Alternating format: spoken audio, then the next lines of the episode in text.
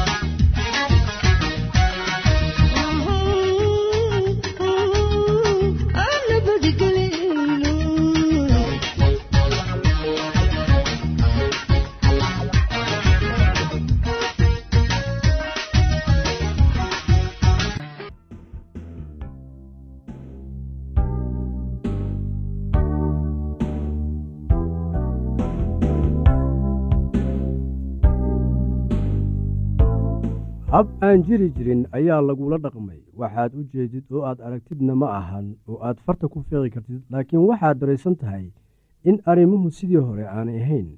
Sidii hore uma degganaa ama uma xiise qabo. Qosolka iyo xifaaltankii aad wada qaybsan jirteen markii hore hadda ma jiro. Haddii aad weydiisid inay wax dhibaato ah jiraan waxaad helaysaa jawaab qalloocan oo aan la fahmi karin. Shaki aan meel loo raaco lahayn ayaa ku wareerinaya kadibna cabsi ayaa kugu dhalanaya maalmo badan kulama hadlayo adigana uma yeeraysid. Marka aad haddana ugu dambaysta kulantaan waxa aad weydiinaysaa in wax dhib ah jiro. Waxaanad markaa ka cabsan jawaabta uu ku siin doono. Dhanka kale ayuu fiirin oo garbaha kor u dhaqaajinayaa. Waxaadna ogaan in jawaabtii uu ku siiyey ay intaa tahay. Maxaa dhacay haddaba? Miyaad riyoonaysaa ama malaynaysaa ama adigaabay ku haysataa arrintan keliga ayaa meesha lagaga tegay oo haddeer waa inaad falkaagii dib ugu laabataa. Waxa aad dib u jaleecaysaa wakhtigii la soo dhaafay oo waxaad eegaysaa mustaqbalka. Kadib waxaad bilaabaysaa inaad yaabto. Wada kulanka dambe miyuu sidaan u imaan doonaa oo tegi doonaa? Haa taas waa run. Gabdho badan ayaad ballaminaysaa oo aad la wada soconaysaa laakiin mustaqbalka xargaha ayaad u jiraysaa oo waxaad la haraysaa oo qura tan aad guursanaysid. Haddaba arrintan taagan ayaa waxay tahay sidii laysaga ilaalin lahaa furniinka. Waxaa run ah mar kasta inay xaalado soo baxayaan marka ay habboon tahay in xiriir la jebiyo intii la sii wadi lahaa. Waxaa jira nin iyo naag aad isugu duuban oo aan arkin calaamooyinka khatarta ah oo keeni kara oo mustaqbalka guurka hallayn kara halkan waxaynu ku haynaa calaamadooyin khatar ah oo la doonayo inaad iska ilaaliso. Waana marka dareenka iyo dabeecadda qofka ay ka xoog badiyaan maskaxdiisa. Iska ilaali muranka faraha badan iyo dagaalka. Qaar waxay tan qabsataa weli iyaga oo xiriirka guurkoodu socdo. Taasna waa iska caadi. Haddii labada qof ee isguursaday aanay mar wax isku diidaynin ama aanay murmaynin wax ayaad iska ah. Waxaa laga yaabaa inaanay si wanaagsan isu dhexgelin laakiin waxaa jira mar isfaham la'aantu ay xad xun gaarayso khaasatan marka muran dheer oo buuq leh oo joogtaha u dhasho. Mararka qaar xitaa labada isguursaday ee aada isku jecel ayaa isfahmi waaya. Laakiin marka isfaham la'aantiina iyo dagaalkiina uu ka kormaro wakhtiga aad nabadda tihiin wax laga welwelo ayaa idin haystaa. Maxamed iyo sacdiya waxay ku adag tahay inay sugaan wakhti yar si ay isula joogaan wakhtiga xiriirkooda waxa uu u badan yahay iyaga oo isla ciyaara oo isu raaxeeya. Wakhtiga ay wada joogaan intiisa badan sidan ayay wada sameeyaan. Dhaqdhaqaaq kale oo ay sameeyaan waa yaryahay wadahadal caadi ah ma wada yeeshtaan haddii ay yeeshtaanna waa yaryahay marka ay labada wada joogto sidan yihiin dhinacyada kale ee xiriirka noloshooda ayaan korayn. Haddii jacaylka jirka ah uu ka xoog badiyo wadajirka aad la leedahay qofka kale haddaba waa inaad iska furtaa qofkaasi oo aad nolol cusub la bilowdaa qof kale si aad u dheeli jirto dareenka iyo kan ruuxa. Marka labada qof ee isqaba ay ku kala nool yihiin laba meel oo kala fog laba waxyaalood waa in loo fiirsadaa inay ku kala tegi karaan da-da ay joogaan iyo dhulka u dhexeeya aawiisa iyo in kale. Haddii aad dhalinyar tahay oo saaxiibkii aad aadka u jecleed uu meel kale aadayo ma wanaagsana inaad isugu dhaarataan inaad weligiina kala tegaynin oo aanad qof kale ka dooran doonin. Hase yeeshee labada isqabta haddii ay da' weyn ku jiraan wax walba caadi ayay u soconayaan xitaa haddii ay ku kala nool yihiin laba meel oo kala fog. Khatarta kale ee la doonayo inaad iska eegtid ayaa waxay tahay dabeecadda xun ee isu timid. Marka ugu horreysa oo aad gabadha la xiriiraysid dabeecaddaada iyo teeda isu eeg mararka qaar dabeecadahan iyaga ah ayaa waxa ay iin kuu yeelayaan noloshiina waxaana idiin horseedi karaan wakhti xun. Haddii labada isjecel ee isku duuban oo si wanaagsan isula socda marka la isu keeno ay noqonayaan kuwo iimaan xun oo qaraar kuwaanoo kale ma ahan inay wada xiriirayaan si ay isu guursadaan. Mid kasta oo xiriirka jacaylka leh qof kale runtii waa inuu isweydiiyaa ama ay isweydiisaa marka aan saaxiibkayga aan jeclahay la joogo miyaan ka xumahay mise waan ka wanaagsanahay? Marka qaar waxaad arkaysaa inaabad isku gefaysaan golalkii aad lahaydeen ama dhaqankaaga. Khatartan iyada ah waa midda la doonayo inaad ka sii foojignaato. Xusuuso golalkaaga iyo dhaqankaaga waa waxa aad adigu tahay iyo waxa aad ahaan doontid sanooyinka soo socda. Kala tegidda ama isfuridda waa arrin xunun badan sababta iyada ahna weeye sababta aanay dadku u doonayn inay waxaas ka fikiraan. Taasoo u horkacday inaanay baran habkii loo xalin lahaa arrimaha noocan oo kale ah ee ku saabsan nolosha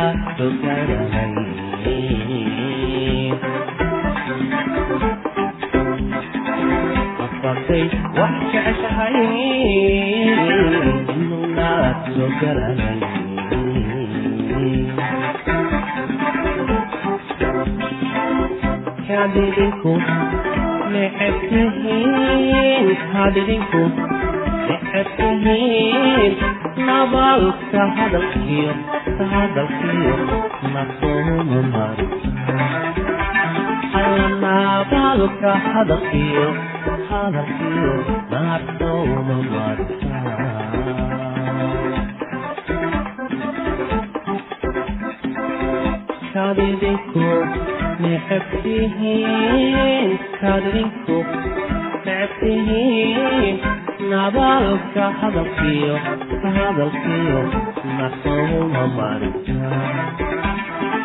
marnabadka hadalkiyo hadalkiyo nasuma marka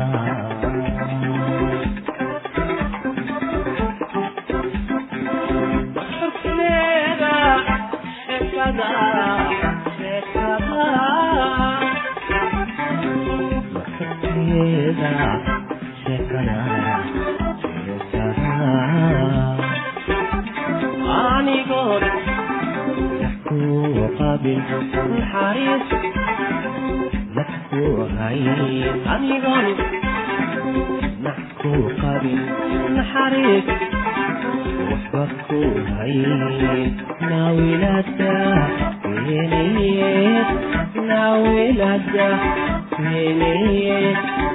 dibhaygu soo noqon dibhaygu soo noqon nawinada hele nawinada hele dibhaygu soo noqon dibhaygu soo noqon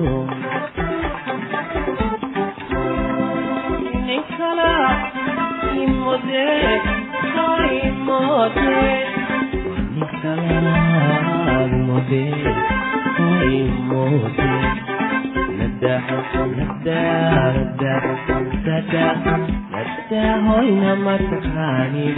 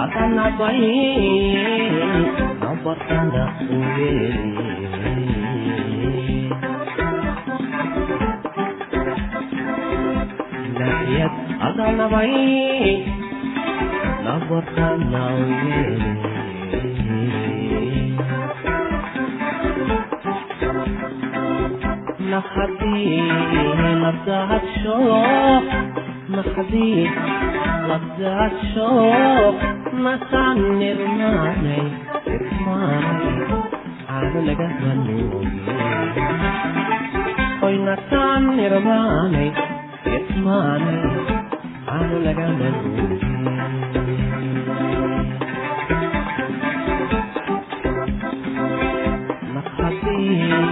Let's maskaxdii la saadsho masaad nirmaanay idmaanay aano laga manuugi allamasaan irmaanay irmaanay aano laga manuugi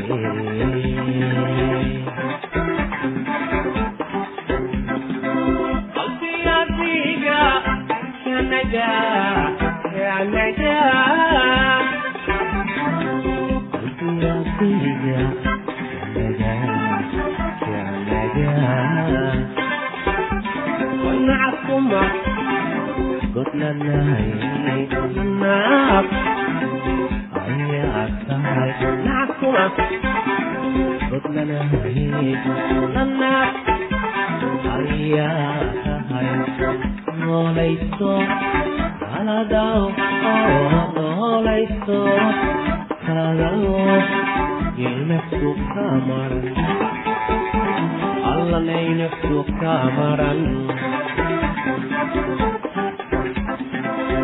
noolayso kaladao noolayso kaladao ilmeftu kaamaran allaineftu kaamaran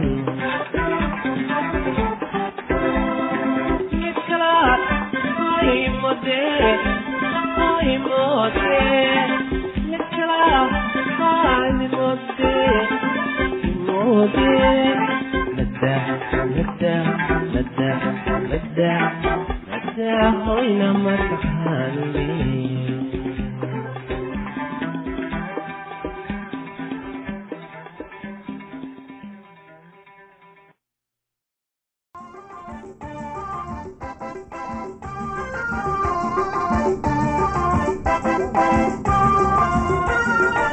dhegaystayaasheenna qiimaha iyo qadarinta lahow waxaad ku soo dhowaataan barnaamijkii aad hore nooga barateen ee caafimaadka.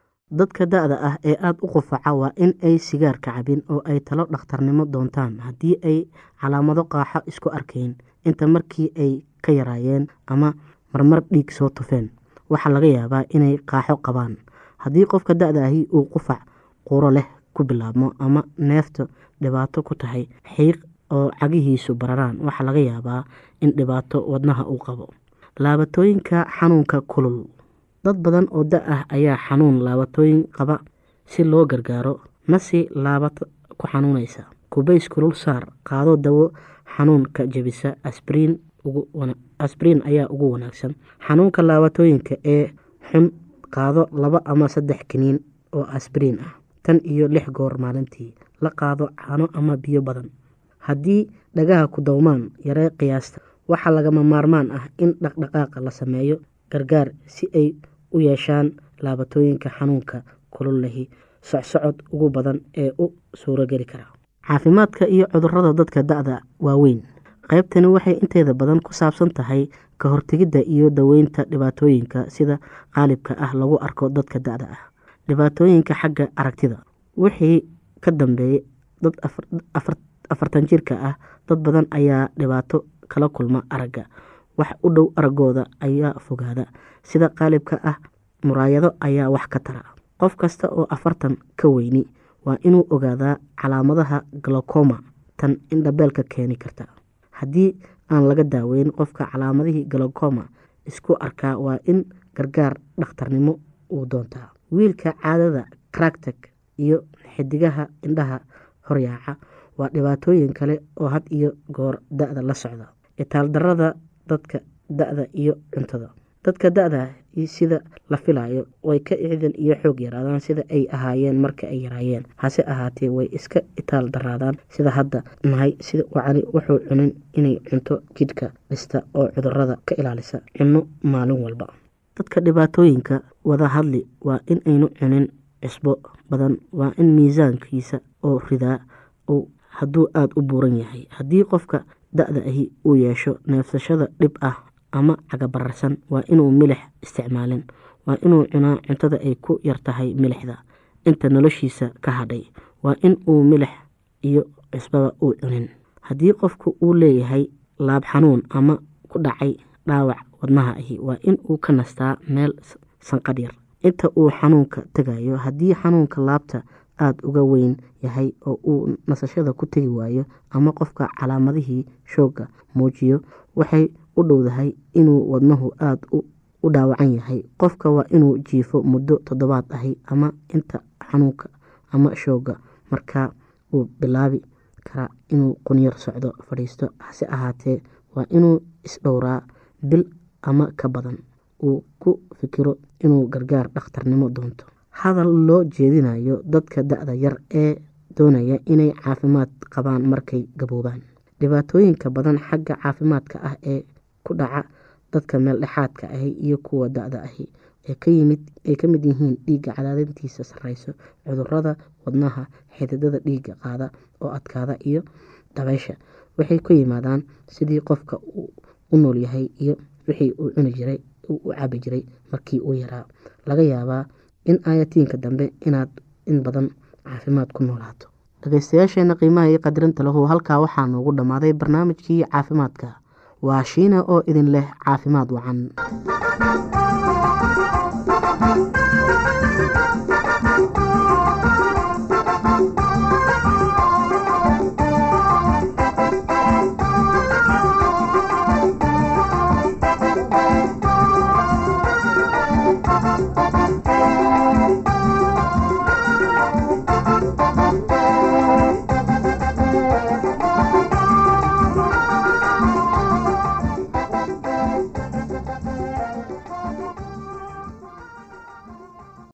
qabto wax su'aalaha fadlan inala soo xiriir. Ciwaankeenna waa radio somaly at yahu dt com. Mar labaad ciwaankeenna waa radio somaly at yahu dt com. Barnaamijyadeena maanta waa naga intaas